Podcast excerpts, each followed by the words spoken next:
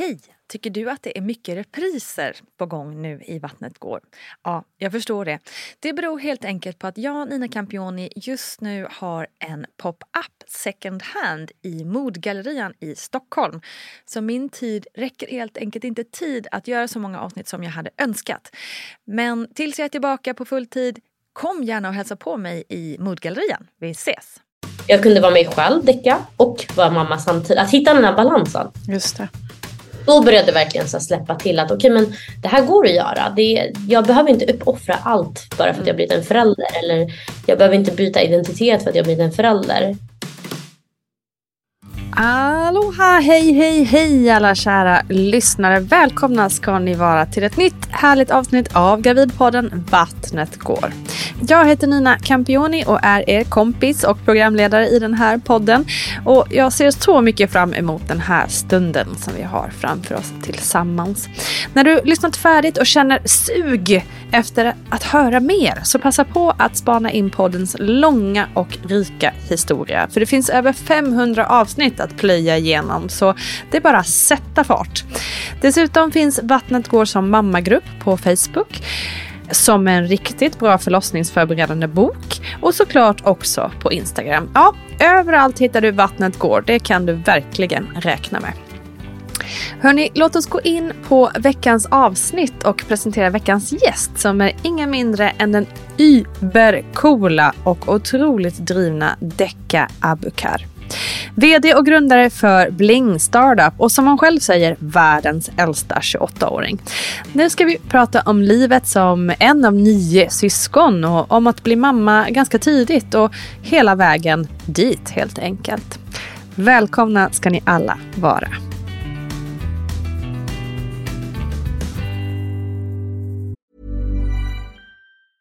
Ryan Reynolds here from Mint Mobile. With the price of just about everything going up during inflation, we thought we'd bring our prices down. So to help us, we brought in a reverse auctioneer, which is apparently a thing. Mint Mobile unlimited premium wireless. Have to get 30, 30, bit to get 30, bit to get 20, 20, 20, bit to get 20, 20, bit to get 15, 15, 15, 15 just 15 bucks a month. So, Give it a try at mintmobile.com/switch. slash $45 up front for 3 months plus taxes and fees. Promo for new customers for limited time. Unlimited more than 40 gigabytes per month slows. Full terms at mintmobile.com. Hi, I'm Daniel, founder of Pretty Litter. Cats and cat owners deserve better than any old-fashioned litter. That's why I teamed up with scientists and veterinarians to create Pretty Litter. Its innovative crystal formula has superior odor control and weighs up to 80% less than clay litter. Pretty Litter even monitors health by changing colors to help detect early signs of potential illness. It's the world's smartest kitty litter. Go to prettylitter.com and use code ACAST for 20% off your first order and a free cat toy. Terms and conditions apply. See site for details. Hey, it's Ryan Reynolds, and I'm here with Keith, co star of my upcoming film, If, only in theaters, May 17th. Do you want to tell people the big news? All right, I'll do. Sign up now and you'll get unlimited for $15 a month in six months of Paramount Plus Essential Plan on us. Mintmobile.com slash switch. Upfront payment of $45 equivalent to $15 per month. Unlimited over 40 gigabytes per month. Face lower speeds. Videos at 480p. Active Mint customers by 531.24 get six months of Paramount Plus Essential Plan. Auto renews after six months. Offer ends May 31st, 2024. Separate Paramount Plus registration required. Terms and conditions apply if rated PG. I'm Sandra, and I'm just the professional your small business was looking for. But you didn't hire me because you didn't use LinkedIn jobs. LinkedIn has professionals you can't find anywhere else, including those who aren't actively looking for a new job but might be open to the perfect role, like me. In a given month, over 70% of LinkedIn users don't visit other leading job sites. So if you're not looking on LinkedIn, you'll miss out on great candidates like Sandra. Start hiring professionals like a professional. Post your free job on linkedin.com/people today. Ung mamma, 22 år. Mm. Vad tänker du om det idag? Du är 28 nu. Jag var väldigt ung. Eh, jag tror inte jag reflekterade över där och då. Eh, för jag gick igenom så mycket i mitt liv. Jag hade precis varit med, med om en olycka. Jag hade ställt om ganska mycket. Så jag kände mig mycket mer mogen i huvudet. På grund av liksom, mm. den erfarenheten. Eh, men idag när jag tänker tillbaka. Jag bara gud jag var själv ett barn. Eh, som fick barn. Så att, eh, idag tror jag att jag tänker annorlunda. Men där och då var jag så här, men det här är fullkomligt normalt. Så det var helt liksom enligt din plan där? Egentligen inte. Jag, jag, eh, hade sen, jag var en sån som hade 5 till 10 års plan. Eh, men mm. året innan, eller jag fick Kenneth 2016 och 2017 eh, vad var det, slutet på 15, eller eh, början på 15 så var jag med om en olycka. Som gjorde att eh, jag var sängliggande, kunde inte liksom göra något av det jag gjorde i mitt liv där och då. Jag var student, jag jobbade och så. Men det gjorde att jag eh, fick ställa om helt och hållet. Jag kände mattan drogs under mina fötter. Och mm. där och då var jag väldigt deprimerad. Men nu känner jag att jag verkligen, det som gjorde att jag gick vidare var att jag kände att jag fick en chans att bestämma mitt liv på nytt. Alltså verkligen så här, mm. fick ett vitt papper och rita om allting på nytt. Och en mm. av grejerna som var längst bort i mitt liv, det var jag för barn. Eh, men jag var inne i en relation där jag kände mig trygg och vi hade varit tillsammans ganska länge. Så det blev nästan som så här, men det, allt jag har undvikit, det är kanske det man ska gå mot istället. Eh, mm, intressant mindset liksom som bara ändras. Precis, jag kände att jag, mm. jag fick en ny chans att göra om och forma om mitt liv och barn blev då en del av det. Så det var mm. rätt så planerat eh, samtidigt som det var verkligen ett år innan hade jag sagt aldrig i mitt liv. vad, i, vad i att bli mamma så ung, vad, vad var liksom fördelar tror du och vad var nackdelar? Fördelarna är nog att jag var jätteformbar. Ehm, jag försökte hitta mig själv vilket gjorde att jag hade ingen bestämd roll eller bild av vem jag var och vem jag var framförallt som en mamma. Jag var en tid som sagt tack vare olyckan där jag försökte verkligen rita om mitt liv. Eh, var mycket mer modig och vågade testa saker på nytt och så. Så det var ju mm. fördelen att vi fick formas tillsammans. Vi fick skapa vår egen lilla familj. Liksom min relation till min dotter blev baserad på oss och inte så mycket på vad omvärlden tycker och tänker. Mm. Eh, för att jag vågade stänga av på det sättet. Nackdelen var väl att jag hade inte riktigt bearbetat mycket annat i livet då. Och det kom ikapp med moderskapet för att plötsligt satt man där själv och inte gjorde någonting. Jag har alltid varit sån som, varit sån som har varit aktiv. Och nästan varit så här, det är en undanflyktsbeteende tror jag. Eh, jag brukar träna typ sex dagar i veckan. Nu har jag insett att det var liksom en toxic habit för jag försökte fly verkligheten. Just det. Mm. Eh, och allt det hade jag inte bearbetat och att bli mamma på allt det där. Eh, ja, nej det var svårt. Fördelen mm. var att jag inte hade en identitet. Nackdelen var också att jag inte hade en identitet. Fattar. Tvåeggat svärd eller vad man säger. Exakt, exakt. Mm. Mm.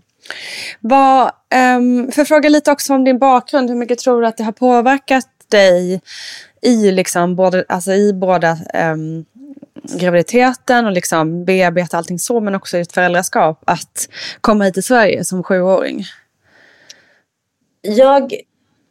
Ja, men alltså, grejen är väl att jag inte riktigt vet vad det innebär att vara en förälder i Sverige. För att min mamma har ändå ganska mycket så här, kultur, eh, kulturellt mm. från Somalia och, och levt i den miljön och växt upp i den miljön. Men också när vi kom till Sverige, min mamma var ju tvungen att komma in i det svenska samhället. Så att, mm. det var lite det här med att, men, vad gör man här, vad är normen här och så vidare. Men mm. det som var jobbigt var också att där, eftersom jag ändå är uppväxt i Sverige och hade liksom stora delar av min tonårsliv här det gjorde ju att jag ändå ammade en svensk identitet eller liksom en svensk mm. tillvägagångssätt. Och när jag pratade moderskap med min mamma, vilket var den första personen jag vände mig till för att det fanns ingen i min omgivning som var gravid eller hade barn den tiden, då kraschade vi ganska mycket. Eh, mm. Vi hade olika sätt att se på saker och ting. Vi kraschade i vad man skulle göra, inte göra. Um, och det tyckte jag var jättesvårt. För hon var verkligen mm, en person och jag ville att hon skulle jag ville att hon skulle ha samma synsätt jag förstod inte riktigt mm. att vi hade två olika sätt på, eh, synsätt på uppfostring. Eh, eller på annat kring bebisen. Så det var jobbigt faktiskt. Vi mm. kraschade om allt första tiden så att jag undvek nästan att prata med henne om bebisen. Um, men mm. nu fattar jag i efterhand att så här, men vi har två olika förhållningssätt. Hon har fått barn och liksom ändå uppfostrat de eh, flesta av mina syskon i utlandet.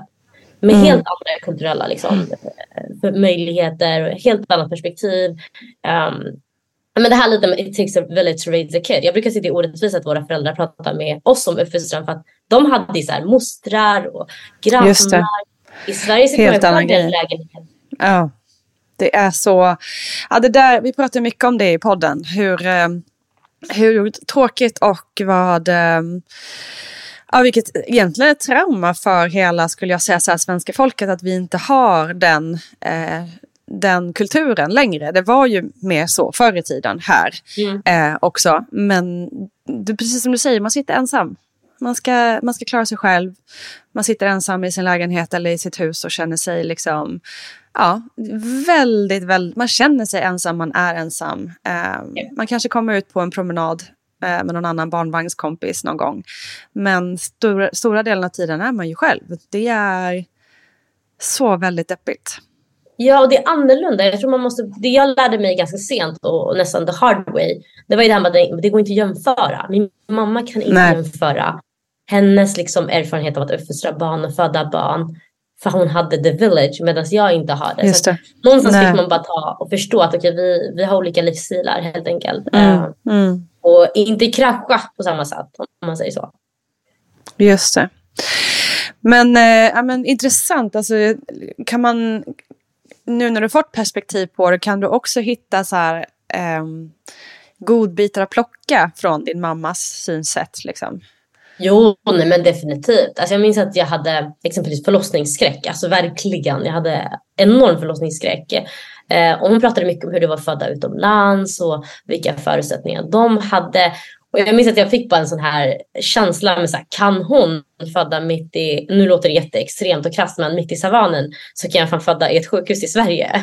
Det, mm. det är så farligt. Uh, så att vissa saker gav ju ändå mig styrka och mod. Uh, samma sak med hennes liksom, alltså hon har ändå uppfostrat, vi är tio syskon, uh, hon har ändå uppfostrat tio oh, wow. Ja, och det är bra för oss och vi är friska och hälsosamma och alla de här grejerna. Så jag respekterar ju henne som mamma. Jag respekterar mm. hennes moderskap och jag försöker mm. hitta de sakerna där vi kan hitta synergier och där hon är kanske bättre än mig på vissa saker. Det är bara det blir så annorlunda i början bara. Det blir verkligen två olika världar. Um, för att jag får höra mitt samtal med min BVC och hon har ett helt annat perspektiv. Och så ska man hitta en balans däremellan. Och framför mm. allt den tiden där jag inte hade många i min ålder eller min vänkrets som hade barn. Nu är det ändå annorlunda. Nu kan jag ändå vända mig till en tjejkompis och bolla mm. med henne. Då hade jag verkligen mm. varit min mamma. Just det. Vad heter det, jag måste fråga kring äh, tio syskon. Det är också något som är hyfsat ovanligt ändå. Vad, det det. Hur är, nu, nu har ju, du kan ju inte jämföra med något annat naturligtvis förstår jag. Men hur är det? Var i syskonskaran är du? Jag är tredje yngst. Tredje jag är bland de bortskämda. ja, just det. Men hur har du upplevt det att ha så många syskon? Tryggt. Um, jag känner än idag att det är en stor trygghet. Um, det blir, vissa av mina äldre syskon är så pass mycket äldre att det blir lite som en andra förälder. Min syrra är liksom en andra mamma till mig. Um, mm. det, känns det är en extremt stor trygghet. Och jag tycker att det är en social fördel. Alla vi har superolika personligheter verkligen. Och att lära sig hantera alla dem och varandra. Just det. Förstå sig på varandra, respektera varandra. Man har ju haft sina tjafs liksom. Men mm. jag tycker att det ändå gett mig förmågan att kunna hantera människor på ett helt annat sätt. Eh, och olikheter på samma sätt. Att kunna bara säga, men du är du, jag är jag och that's it. Vi syskon och vi ska försöka komma överens. Mm. Jag, jag tror att det har gett mig en social färdighet. Alltså, det är kanske någonting man inte reflekterar så mycket över just med syskon. Men det ger ju en när man är så pass många och så olika. Otroligt, ja men verkligen. Det har du helt rätt i. Liksom olika personligheter, olika åldrar, olika liksom, allting, intressen, eh, allt. Precis. Och vissa av mina syskon har ändå haft stora delar av deras barndom i Somalia exempelvis. Mm, eh, just det. jag har haft mitt i Sverige. Att bara ha den skillnaden och försöka jämföra, mm. kommunicera och förstå varandra. Det, det blir superintressant när man är mogen nog att kunna tänka. Mm. Ja, häftigt. Du, vi ska åter till graviditeten.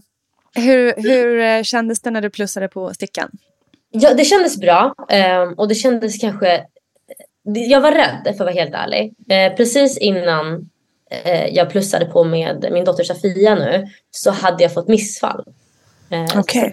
Barnet innan henne slutade upp i ett missfall och mm. jag, det var första gången jag var gravid. Jag hade ingen aning om vad missfall ens var. Ingen i min mm. omgivning. Och det här är kanske någon kulturell grej. Men jag tror att, generellt, eh, det pratas mer om missfall idag. Men det här var ändå sex år sedan. Eh, mm. Då var missfall kanske inte det man pratar om som 22-åring. Nej, just det.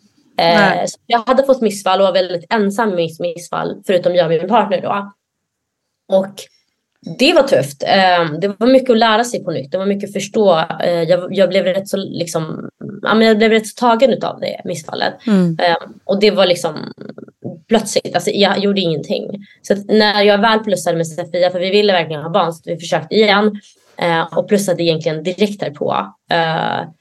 Det kändes ju väldigt bra uh, att det var Mm. möjligt för det första. För det andra så var det liksom den här rädslan, okej, om det händer igen, orkar jag verkligen psykiskt? Mm. Uh, och vad gör man då? Ska man fortsätta försöka? Så det var många frågetecken så jag var väldigt rädd i början. Första Mm. tio veckorna så var man liksom bara försiktig och rädd. Vågade inte riktigt ta in att man hade plussat. Jag vågade inte riktigt känna den riktiga så glädjen på riktigt. Eh, och det, det blev bättre och jag tror att jag vågade ta in och acceptera graviditeten ju längre in man kom in i det. Mm. Men det där sätter ju enorma spår, alltså en otrolig oro och eh, som du säger, man, vet, man vågar inte hoppas eller glädjas. Eh, Ja, och det är tråkigt för egentligen så är det ändå så stort. Alltså, även om man, även om nu, nu kan jag säga liksom efterklok att eh, missfall är ju hur normalt som helst. Det är ingenting man styr över. Och Verkligen. att plussa igen i sig är liksom en blessing, att det går. Och att Mm. man ska glädjas. Även om man är rädd och tänker man kan förlora det här också så, så ska man glädjas. Och det är jättelätt för mig att säga idag men jag önskar att någon sa det till mig där och då. Att, men du ska glädjas när du plussar. För att även hur det än slutar så har du plussat. Du har en bebis i magen. mm. Du ska glädjas för det. Ehm, och jag, öns jag önskar att jag gjorde det bara. Att inte det tog så lång tid. Men Jag förstår precis. Det finns någon, någon, någon klok som har sagt någon gång eh, så att eh, man ska ta ut glädjen i förskott för då har man i alla fall varit glad en stund. Liksom. och det ligger mycket i det, även om det såklart är, är svårt att komma över eh, den mentala spärren, att våga. Mm. Hur eh, mådde du rent fysiskt då? Eh, oj, usch, det var hemskt. Jag mådde illa. Ehm, jag var sån som spydde fram till vecka 20 eller vad det var. Ah, Eh, så att jag hade väldigt svårt att äta mat. Eh, jag tyckte Mm. mitt hem luktade överallt. Det var någon ny lukt varenda dag. Eh, så jag, det slutade med att jag faktiskt åkte till min mamma som bor i Skåne och var där i tre månader för att jag klarade inte av att vara hemma. Ehm, Ah, jag tyckte att Gud. soffan luktade, vi skulle byta ut sängen. Så jag var extremt känslig eh, första tiden. Men sen tror jag att det började avta runt vecka 18 och så. Men första tiden var hemskt. Det var, alltså, jag Mm. åt typ sm- alltså, så här, nej men skor, vad heter det? Ja men så här, knäckebröd i princip varje Mm. dag. Det var min Mm. mat. Eh, så det var jobbigt. Jag, var inte in, Mm. jag visste inte hur illa det kunde vara. Nej, och det går inte precis, och det går inte att föreställa sig heller. Man har ju liksom, det är, det är som en magsjuka. Man kan liksom inte, man glömmer bort mellan varven hur det är och så blir man helt chockad. liksom, hur det, är bara liksom tar över hela kroppen. blir... Ja, nej, men det är en av grejerna som är så här, om man ska skaffa barn igen, man bara, ja ah, det där, just det, det finns ju också. Ja, exakt. Men eh, efter vecka 18, 19, där 20 kanske blev, blev det bättre allting då eller Ja. var det något annat som tillkom istället? Eh, det blev bättre, eh, som tur. Eh, jag älskar ju träna och vara fysiskt aktiv, vilket jag kunde börja bli igen. Det var ju det var jobbigt psykiskt för att jag kom ifrån så mycket av mig själv under tiden jag mådde dåligt. Mm. Tränade inte, jag orkade inte vara social. Så det var verkligen bara jobbigt den tiden. Mm. Eh, det tog på mig rätt mycket psykiskt, men när jag väl fick tillbaka energin att träna och äta bara, vare sig om det var macka eller annat, så var jag väldigt glad för det och tacksam. Så det blev bättre. Eh, men sen så eftersom jag mådde så dåligt så pass länge så fick jag problem med att min dotter, alltså jag gick inte upp i vikt, det gick ner tvärtom. Mm. Eh, min mage växte inte, alltså jag kunde knappt se att jag var gravid trots att jag var typ sex månader. Um, så det, då började oron kring, för då får man ju träffa barnmorskan lite oftare. Just det. Då började oron kring, men är hon för lite? Ehm, växer du som du ska? Vad gör vi då? Eh, så att egentligen, liksom i helheten så tycker jag inte att det var problematiskt. För det var ändå för säkerhets skull. Men då fick jag träffa barnmorskan oftare. ehm, fick se till att börja äta ordentligt så mycket jag kunde såklart. Eh, och då gick jag på ultraljud ganska ofta för att mäta så att hon växte i takt. Liksom. Eh, så det var bara det som var ja, men kanske out of the ordinary eh, jämfört med andra graviditeter. Att det tog på mig att jag var, mådde så dåligt så länge att jag började gå ner i vikt och så. Mm. Vilket kanske inte är så bra när man ska försöka liksom, ha ett barn i magen och växa egentligen. Just det. Men det, är, men det är så intressant hur mycket det mentala spelar in. Liksom. Och det är, som vi har pratat mycket om i podden innan, att det är sällan eh, det ges lika mycket utrymme i, i den här världen, eller i kvinnohälsa generellt. Jag tycker man borde få prata med någon bara generellt under graviditeten. Ja, alltså det är så mycket verkligen. känslor som pågår mm. från dag ett till mm. Man föder. Och jag vet att så fort man blir gravid så är allt fokus på bebisen. Så här, ingen bryr sig om hur du mår. Det är mm. okej okay, mår bebisen bra? Grymt, men då går vi vidare. Och det är mm. liksom den vården man får.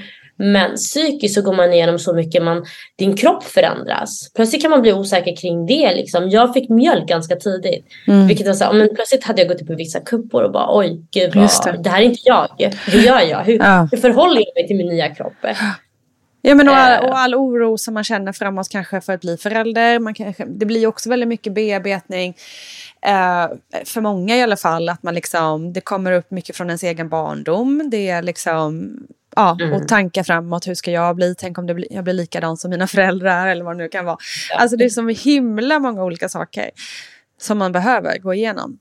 Precis. Det, vore inte ja, men det är kanske någonting man borde flagga för. Så här. Ja. Ja, men, samtalsstöd för gravida. Exakt. Mammagrupp borde ju finnas redan innan egentligen. Exakt. Verkligen. Mom deserves the best, and there's no better place to shop for Mother's Day than Whole Foods Market. They're your destination for unbeatable savings, from premium gifts to show-stopping flowers and irresistible desserts. Start by saving 33% with Prime on all body care and candles. Then get a 15-stem bunch of tulips for just $9.99 each with Prime. Round out Mom's menu with festive rosé, irresistible berry chantilly cake, and more special treats. Come celebrate Mother's Day at Whole Foods Market when you're ready to pop the question, the last thing you want to do is second guess the ring. At Bluenile.com, you can design a one of a kind ring with the ease and convenience of shopping online. Choose your diamond and setting. When you find the one, you'll get it delivered right to your door. Go to Bluenile.com and use promo code LISTEN to get $50 off your purchase of $500 or more. That's code LISTEN at Bluenile.com for $50 off your purchase. Bluenile.com code LISTEN. Hi, I'm Daniel, founder of Pretty Litter. Cats and cat owners deserve better than any old fashioned litter. That's why I teamed up with scientists and veterinarians to create Pretty Litter. Its innovative crystal formula has superior odor control and weighs up to 80% less than clay litter. Pretty Litter even monitors health by changing colors to help detect early signs of potential illness. It's the world's smartest kitty litter. Go to prettylitter.com and use code ACAST for 20% off your first order and a free cat toy. Terms and conditions apply. See site for details. A lot can happen in three years, like a chatbot may be your new best friend. But what won't change? Needing health insurance. United Healthcare Tri Term Medical Plans, underwritten by Golden Rule Insurance Company, offer flexible, budget friendly coverage that lasts nearly three years in some states. Learn more at uh1.com. Mom deserves the best, and there's no better place to shop for Mother's Day than Whole Foods Market. They're your destination for unbeatable savings, from premium gifts to show-stopping flowers and irresistible desserts. Start by saving 33% with Prime on all body care and candles. Then get a 15-stem bunch of tulips for just $9.99 each with Prime. Round out Mom's menu with festive rosé, irresistible berry chantilly cake, and more special treats. Come celebrate Mother's Day at Whole Foods Market.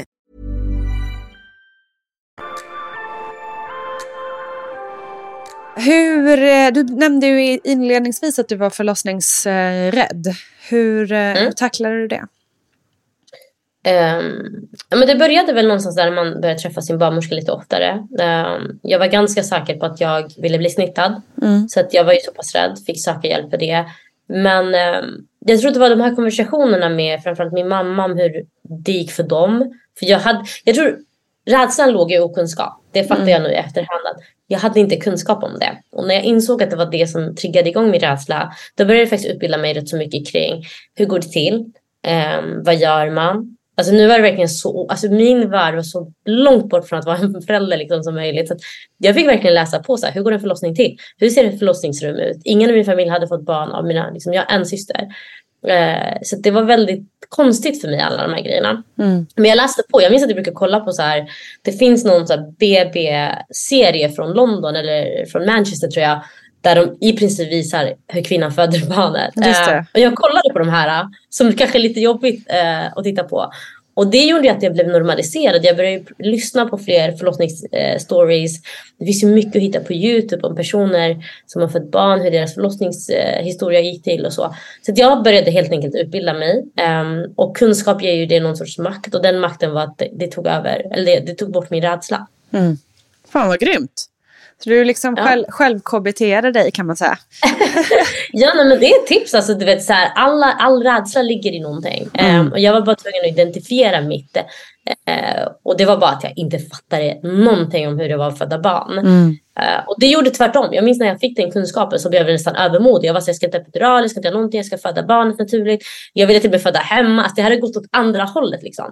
Uh, så det var skönt. Jag kom mm. dit verkligen så här, självsäker när det var dags. Fan vad skönt. Så jävla ja. grymt.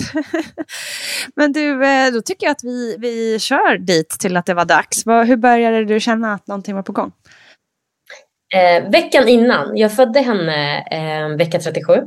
Men slutet eller så här, mitten på vecka 36 började jag känna, eller under hela graviditeten, det här är också någonting som jag ska så, flagga alla barnmorskor för. Då sa alla till mig, men förstföderska går ju över tiden. Just det. Mm. Du kommer garanterat mm. föda liksom, vecka 40 plus och jag sa alltid att jag känner att det här kommer gå snabbare än tänkt. För att jag tyckte att det tryckte mycket. Jag hade rätt så mycket, vad heter de här verkarna, förverkar mm. eh, tidigt. Mm. Och jag hade en underbar barnmorska som framförallt lyssnade på mig direkt utöver liksom resten av vården. Som var så här, okej okay, men vi följer din kurva, vi följer dina känslor och inte vad vi tror om förstföderskor. Just det. Så viktigt. Eh, och det är för. Precis, så att jag åkte in vecka 36 där jag kände att mm. ah, det, gör, det gör ont. Jag har sammandragningar.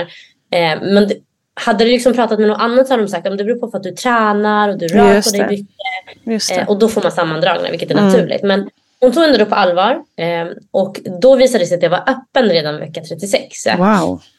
Så att jag var öppen i samband med de här sammandragningarna som jag misstänkte var så för träning. Jag gick dit för säkerhets skull bara. Och då var jag öppen vecka 36 um, och då sa hon att du kommer föda inom en vecka i princip. Mm. Uh, så jag var förberedd mentalt. Då visste jag att om det kom smärtor, mm. om det blev värre mm. uh, så är det säkert dags. Vilket ändå är skönt för det blev inte så plötsligt. Verkligen. Då har man ju lite tid att börja ställa in sig på vad som ska hända och liksom Precis. Jag packade liksom BB-väskan där samma vecka som jag fick det beskedet. För jag var liksom så 2-3 centimeter öppen. Så det var ju okay. dags när som helst. Ja, verkligen. Uh, jag fattade inte att jag var alltså liksom öppen utan att känna av det. Så jag sa okej okay, men det här går ju bra hittills. Ja exakt. det här var inte så farligt. Um, så det gick liksom uh, en veck, knappt en vecka, jag tror typ fyra dagar senare. Um, mitt på kvällen såklart, för man födde ju aldrig mitt på dagen.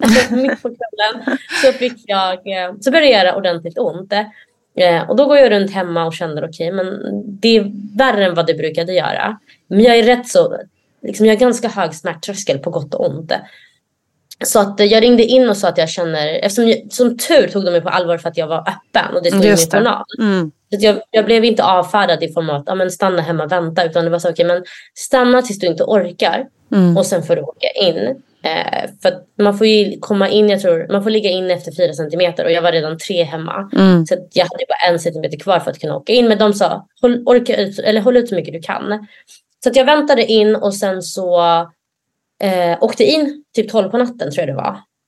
Eh, och då var jag 4 centimeter. Det gjorde inte någon större, alltså det var inte jätteont. Men eh, de sa att jag skulle vara kvar. Mm. Och det, det, jag kan minnas tydligt är vet, det här förlossningsrummet. För jag hade inte varit på besök. När jag kom in i förlossningsrummet för så får jag sån skräck och bara shit jag kommer inte gå hem förrän jag fått ut det här bebisen. Liksom. för jag, bara, jag tänkte att de kommer säkert skicka hem dig. Det var min inställning. Jag bara, du har inte nått fyra centimeter. Och de bara nej du stannar över. Så jag minns den här chocken mm. än idag. Den är jättetydlig. Eh, men jag hade det ganska bra. Jag badade fram till 8-9 centimeter, eller 8 centimeter tror jag. Okay. Eh, och sen fick de spräcka vatten, eller hinnan så att mm. jag fick, mitt vatten inte. Eh, ja, men jag hade det ganska bra, jag pratade i telefon. Alltså jag, det gick bra. Det var liksom, jag kunde härda det med Alvedon. Otroligt. Och sen så de sista två centimeter, då tappade jag det. Mm. Då började det verkligen, efter de hade spräckt vattnet. Mm. Eh, då var det, då, jag tycker det är där den riktiga förlossningen började. Det var någonstans på morgonen. Eh, men sen så öppnade jag upp mig och eh, det som var jobbigt nu, det är nu det började, det var det här med förlossnings... Eh, eller vad heter det? När jag skulle krysta. Mm. Jag hade en timmas kryst, eh, krystning. Mm. Eh, vilket är nästan på gränsen för att bli snittad. Eh, Ja. Allting hade gått liksom hyfsat bra fram tills jag skulle krysta. Eh, och jag öppnade mig upp och så var det krystat direkt. Och jag hade inte orken för att jag, hade, jag Just tyckte de här två centimeter- centimeter var så himla jobbiga. Mm. Eh, jag var rätt så borta liksom.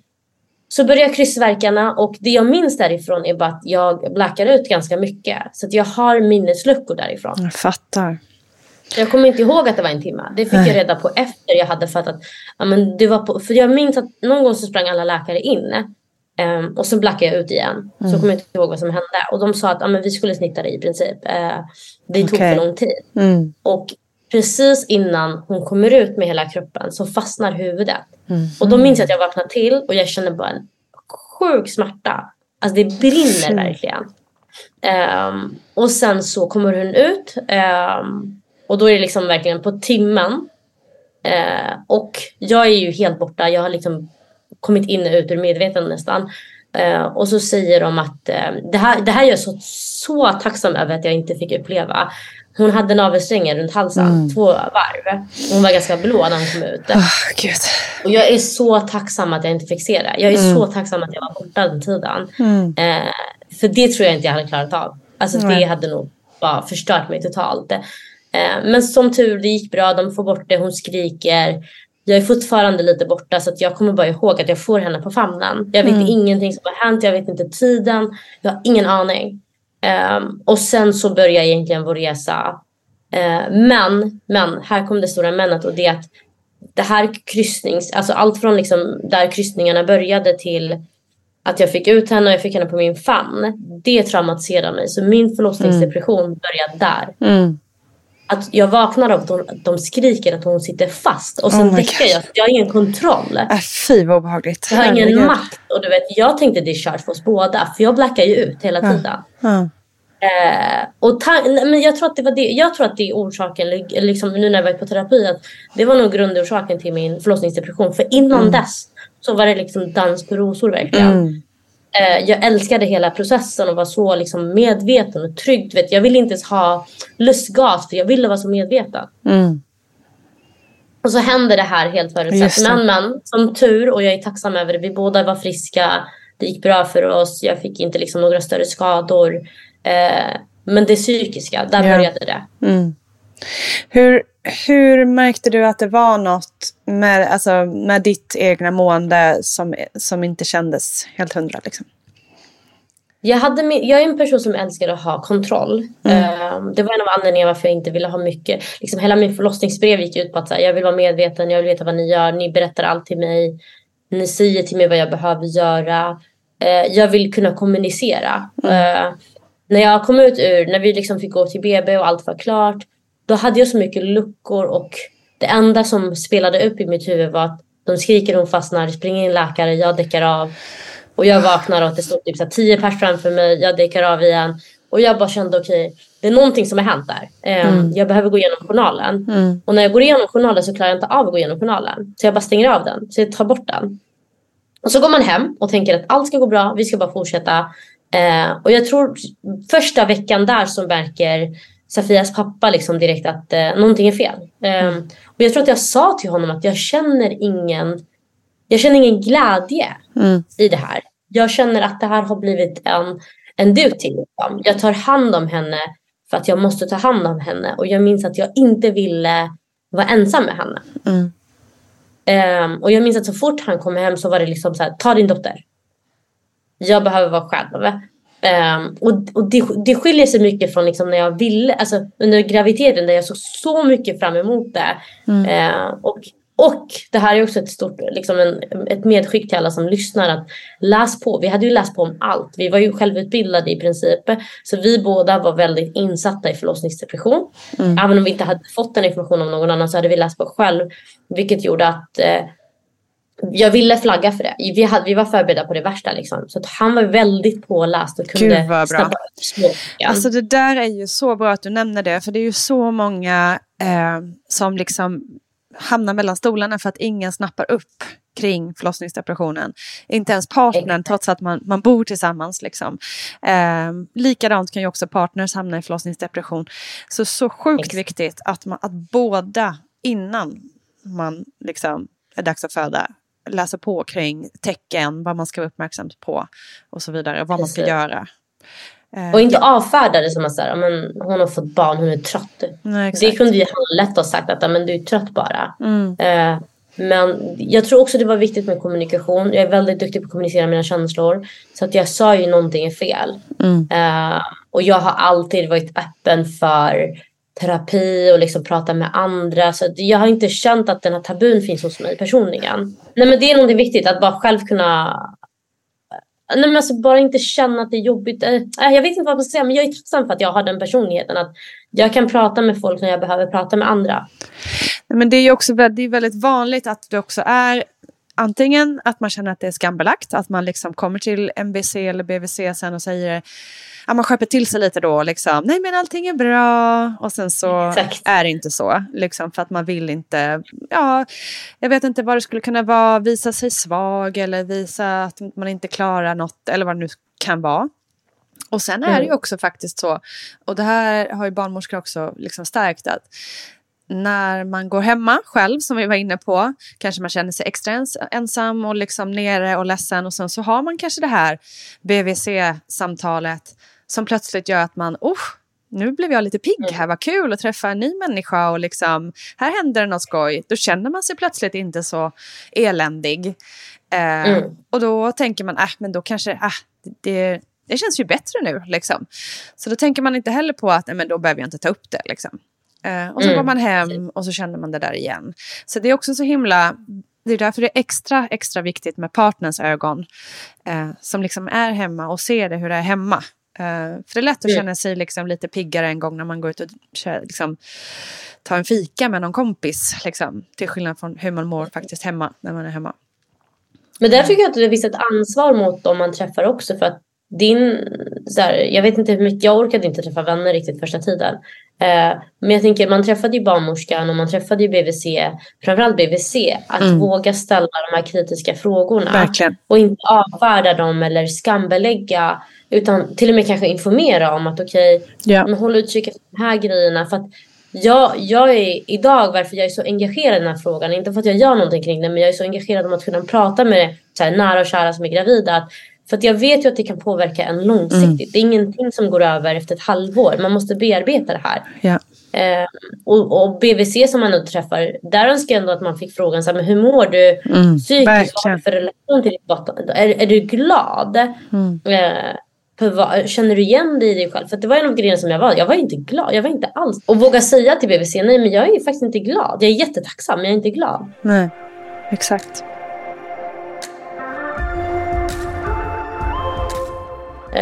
Att, men som tur, jag fick ju hjälp ganska tidigt eh, och kunde bearbeta det. Det tog ju tid. Eh, men jag känner att jag fick glädjen till att vara en mamma först efter ett halvår. Mm. Eh, då kände jag att jag kunde faktiskt känna liksom lyckan i att ha bebis och liksom hela den grejen.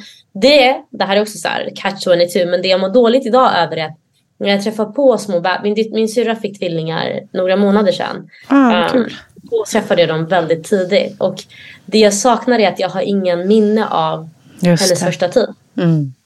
Jag har, nej men jag har verkligen, och det är jättetragiskt. Och liksom så här, det är någonting som jag blir verkligen ledsen över. Det att jag har inget minne. Jag har inget minne från, jag har så här bilder och så. Mm. Men jag vet inte hur det känns. Jag kommer inte ihåg känslorna. För jag hade inga känslor. Mm. Så jag har inget minne från hon var ett till, ja men säg cirka fem månader minst det. Eh, vilket jag känner är jobbigt när man träffar Ja, andra måste bebisar. tufft, Man alltså. vet då att man har missat någonting. Mm. Men det, som sagt, det var min resa. Jag kan inte heller Mm. göra någonting åt den saken nu. Nej, nej, precis. Men man kan ju förstå att det är en sorg i det. Vad Mm. var det för hjälp du fick? Eh, jag fick prata med eh, en terapeut och det var via familje... Nej men det var via BVC, MVC, någonstans där. Vi hade liksom en hel enhet där de satt ihop. Och det var någon som var specialiserad på förlossning, eller specialiserad, de, de hade jobbat mycket med förlossningsdepression. Mm. Och det fick jag via, ja men det var via kommunen tror jag inte jag minns fel nu, jag vågar inte säga riktigt. Men det var något som de bekostade och allting. Mm. Ehm, och om, jag tror nästan, jag är ganska säker på att vi gick via mödravården och sa att men jag har förlossningsdepression, vad kan jag få för hjälp? Och så hänvisade de mig till Mm.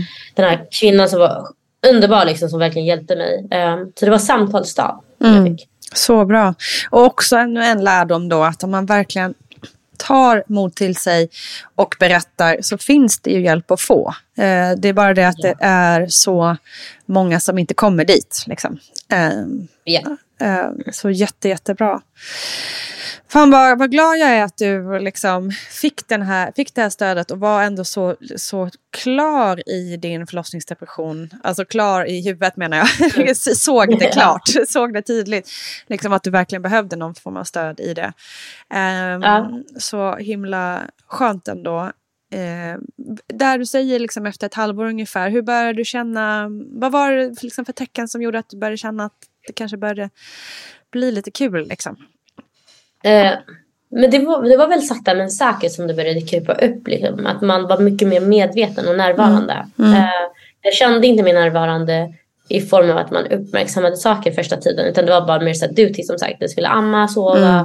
byta blöja och så kom hennes pappa och det var verkligen så här, ta din dotter. Mm. Eh, men sen började jag tycka att det är kul att hitta på saker med henne. Eller jag var medveten om när hon började krypa. Hon började krypa Mm. ganska tidigt. Mm. Att man var så medveten om att okej, nu börjar hon gunga fram och tillbaka. Nu kommer säkert nästa steg. Eh, och glädjas för det. Eller njuta av att bara vara ensamma. Mm. Jag tyckte inte alls om det tidigare. Utan plötsligt var det så här, men det är skönt att bara ligga och kolla och mysa. Eh, det var väldigt liksom, så här, små tecken i början. Eh, men sen var det verkligen så här, våga göra saker ihop. Att våga inse att jag som förälder eller jag, Decca var inte... Nej, men så här, det jag kände under förlossningsdepression det var ju framförallt också det här med att jag hittar inte mig själv som individ. Jag, jag visste inte vad Decca var längre utan det var bara mamma. Mm. Och jag hade väldigt svårt att förhålla mig till att jag var bara en mamma. Jag älskade min mamma men jag, jag, jag var inte bara en mamma. Jag hade så många identiteter. Jag hade en personlighet. Eh, och jag försökte hitta tillbaka och att när man hittade det, när jag hittade liksom Decca och mamman ihop och kunde erbjuda det till min dotter. Det kunde ju vara att om jag älskar att träna men nu, nu går vi ut och går mm, alltså liksom en lång promenad tillsammans och jag Mm. känner att jag kunde vara mig själv, Decca, och vara mamma samtidigt. Att hitta den här balansen Just det. då började det verkligen så släppa till att okej men det här går att göra. Det, jag behöver inte uppoffra allt bara för att Mm. jag blivit en förälder. Eller jag behöver inte byta identitet för att jag blivit en förälder. Ehm, så det var bara, verkligen det här med att börja göra saker ihop. Mm. Att gå till öppna förskolan började jag gå på, träffa andra mammor, prata med folk som hade varit i samma situationer. Det, det hjälpte jättemycket. Gud, så fint. Vi har fått så himla mycket alltså, råd och liksom extra kunskap i det här avsnittet tycker jag. Du är otrolig på att liksom, formulera dig och få fram det du, det du känner. Ehm, hur ser du på, du har ju tio syskon Deckan. Ja, hur ser du på, på mammarollen framåt och familjen framåt? Är det, är det, vill du ha fler barn?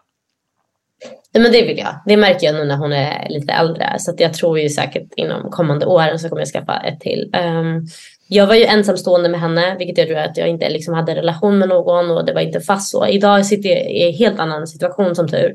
Eh, så det gjorde ju också att man sköt fram lite familjebildning och allt det som skedde. Ehm, men ja, absolut. Jag vill ha definitivt fler barn. Ehm, jag vill även få... Jag vill kunna prata mer om moderskapet. Jag tror att det formar mig den jag är idag så mycket. Mm. Ehm, tvärtom än vad man trodde när jag först var förlossnings liksom, deprimerad. Att ja, men jag har ingen identitet som Just det. förälder. Idag känner jag att min största styrka och drivkraft ligger i att jag är en mamma. Mm. Och klarar man av att vara en förälder så tror jag man klarar av det mesta i livet. Och Verkligen. kunna belysa den styrkan och verkligen framhäva, framförallt i näringslivet där jag verkar som mest, att visa styrkan i inte bara föräldraskap men framförallt i moderskapet. Mm. Kvinnor ska inte få mindre eller kvinnor ska inte anses vara svagare eller kvinnor ska inte anses vara mindre kapabla för att de har fått barn. Tvärtom. Mm. Du ska ju Verkligen. anställa någon som är förälder. Alltså, de har ju gått igenom hus och helvete. Mhm. Eh, och så sitta och göra ett jobb på jobbet är ingenting jämfört med vad de får balansera hemma. Så jag vill definitivt ha fler barn men utöver det vill jag verkligen kunna visa styrkan i föräldraskapet ännu mer än vad vi gör idag. Jag tycker ibland blir man nästan ledsen i form av att ja, men hur det ser ut för de flesta. Nu, har jag nu är jag nu liksom tillräckligt privileg- privilegierad nog att kunna säga att jag styr ju mycket av min vardag. Men gör man inte det och är en förälder så kan det bli jävligt tufft. Och framförallt när jag var ensamstående då fick jag verkligen känna på hur det känns att vara så långt ifrån samhället som möjligt. Med så få resurser som möjligt. Ingen tittar ju på ensamstående. Alltså ingen liksom acknowledgar eller försöker tillgodose deras behov, vilket är jättestora behov. Det där är också otroligt intressant. Och jag känner, vill du också bara berätta hur, eh, för vi hänger inte riktigt med kring ensamstående, eller om du Ja. berättar lite där och hur du upplevde det. Ja. Nej, men jag, när, jag var, när hon var ett och ett halvt så separerades jag och hennes Okej. eh, pappa. Mm. Eh, och då blev jag ensamstående med henne. Mm. Eh, och då var det verkligen liksom min karriär tar fart. Jag har en bebis på ett och ett halvt. Eh, och jag har ingen aning hur det är liksom, att göra det här själv. Jag hade Mm. absolut inte alla förutsättningar. Min familj bor i Skåne så jag är ensam här uppe. Mm. Eh, och så har jag vänner i min ålder som inte har barn. Just så det. att det var ju väldigt lite stöd runt omkring. Mm. Och, det var, och där kände, alltså som ensamstående så känner man ju av allt från ekonomin till ja, men att gå och hämta baby, liksom ditt barn 17.30 från förskolan precis innan de stänger. Mm. Den skam och skuld som kommer med det. Så jag har varit ensamstående, jag är inte det med henne längre men under tiden jag var det, Mm. då kan jag säga att då fick jag, eller då kände jag, trots att jag har liksom ett eget företag och har massor av förutsättningar jämfört med om jag hade varit anställd och så. Att det var bland den tuffaste tiden i mitt liv.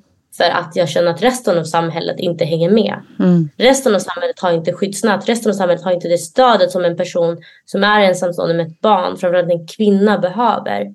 Jag vabbade ibland i två veckor. men Som tur jag kunde jobba hemifrån. Just det. Jag hade ingen som kunde vabba åt mig och så. Nej, precis. Systemet är fortfarande liksom byggt för en känd familj, typ. Ja, Mm. det är det. Tyvärr. Viktigt inspel, verkligen. Ehm, så himla eh, glad att du ville vara med Decka i Vattnet går. Det är en sån inspiration. Ja, men tack så mycket. Jag känner att jag skulle kunna prata i timmar. Eh, och det, här är, nej, men det här är ett ämne som verkligen ligger så nära hjärtat som möjligt. Och det är svårt att prata utan att bli emotionell. Eh, men tack, tack för din plattform. Den är så viktig. Mm, tack snälla. Super. Tusen, tusen tack Decka Abukar. En sån otrolig energi jag fick av det här samtalet med just Decka. För det är en otrolig egenskap som hon har att vara rak och tydlig samtidigt som hon ger en sån otrolig framåtanda och livsenergi. Följ henne säger jag bara. Du hittar henne såklart på Instagram, precis som du hittar Vattnet går. Stort tack till dig kära lyssnare som givit oss din tid. Jag hoppas att vi hörs väldigt snart igen. Stor kram, ha det bäst, hej då!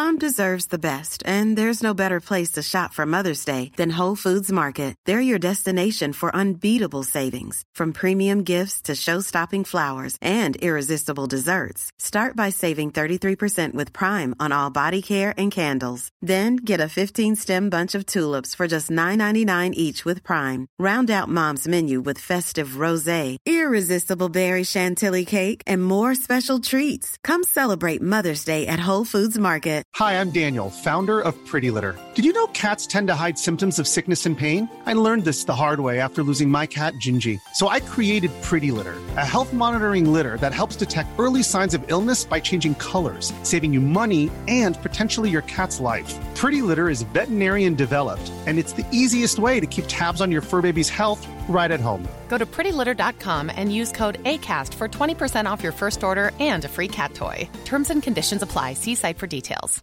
Mom deserves the best, and there's no better place to shop for Mother's Day than Whole Foods Market. They're your destination for unbeatable savings, from premium gifts to show-stopping flowers and irresistible desserts. Start by saving 33% with Prime on all body care and candles. Then get a 15-stem bunch of tulips for just $9.99 each with Prime. Round out Mom's menu with festive rosé, irresistible berry chantilly cake, and more special treats. Come celebrate Mother's Day at Whole Foods Market. Even when we're on a budget, we still deserve nice things. Quince is a place to scoop up stunning high-end goods for 50 to 80% less than similar brands. They have buttery soft cashmere sweaters starting at $50, luxurious Italian leather bags, and so much more. Plus, Quince only works with factories that use safe, ethical, and responsible manufacturing. Get the high-end goods you'll love without the high price tag with Quince. Go to quince.com slash style for free shipping and 365-day returns.